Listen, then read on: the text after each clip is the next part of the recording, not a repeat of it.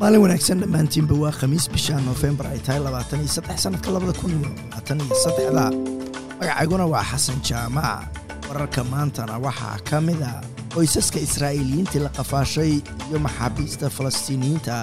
ayaa sugaya bilowga xabad joojinta ku-meelgaarka ah.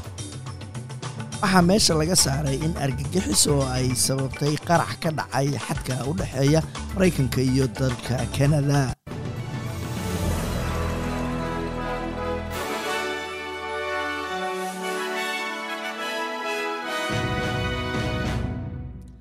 waxaa soo baxaya warar iskhilaafsan oo sheegaya wakhtiga ay bilaabanayso xabad joojinta u dhexaysa ciidamada israa'iil iyo xamaas. Kadib dhowr toddobaad oo wadahadal uu socday dowladda israa'iil iyo xamaas ayaa ku heshiiyey afar maalmood oo xabad joojina si loo ogolaado in gargaar la gaarsiiyo marinka khaza sidoo kalena la sii daayo konton israa'iiliyiinta ay falastiiniyiintu haystaan iyadoo lagu bedelanayo ugu yaraan boqol iyo konton maxaabiis falastiiniyiina oo israa'iil xabsiyada ugu xiran. Wasiiradda arrimaha dibadda dalkan australia penny wong ayaa sheegtay in boqolaal falastiiniyiina la siiyey fiiso kumeel gaara oo ay ku soo galaan dalkan australia.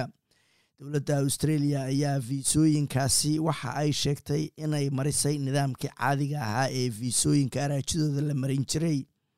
ku dhowaad kun iyo siddeed boqol oo qof oo israa'iil ku sugan iyo dad ka badan siddeed boqol oo gaasa jooga ayaa fiisooyin la siiyey ilaa iyo hadda. Qoysaska maxaabiista falastiiniyiinta ee qaraabadooda la filayo in la sii daayo markaa la fuliyey heshiiska xabad joojinta ee afarta maalmooda ee dhex maray israa'iil iyo xamaas ayaa sheegay inay aad rajo weyn uga qabaan mustaqbalka israa'iil iyo xamaas ayaa ku heshiiyey xabad joojin ka dhacda khaza oo socota ugu yaraan afar maalmood si loo ogolaado in gargaarka la soo gaarsiiyo gaasa sidoo kalena la sii daayo konton ka mida dadka falastiiniyiintu ay haystaan ee israa'iiliyiinta iyadoo lagu bedelanayo boqol iyo konton maxaabiis falastiiniyiin ah oo ku xiran xabsiyada israa'iil. Qarax gaari oo ka dhacay meesha laysaga gudbo dalalka maraykanka iyo kanada ee la yidhaahdo rainbow bridge border crossing oo isku xira labada dal ayaa laba qof ay ku dhinteen. Hal askari oo waardiye meesha ka ahana waa uu ku dhaawacmay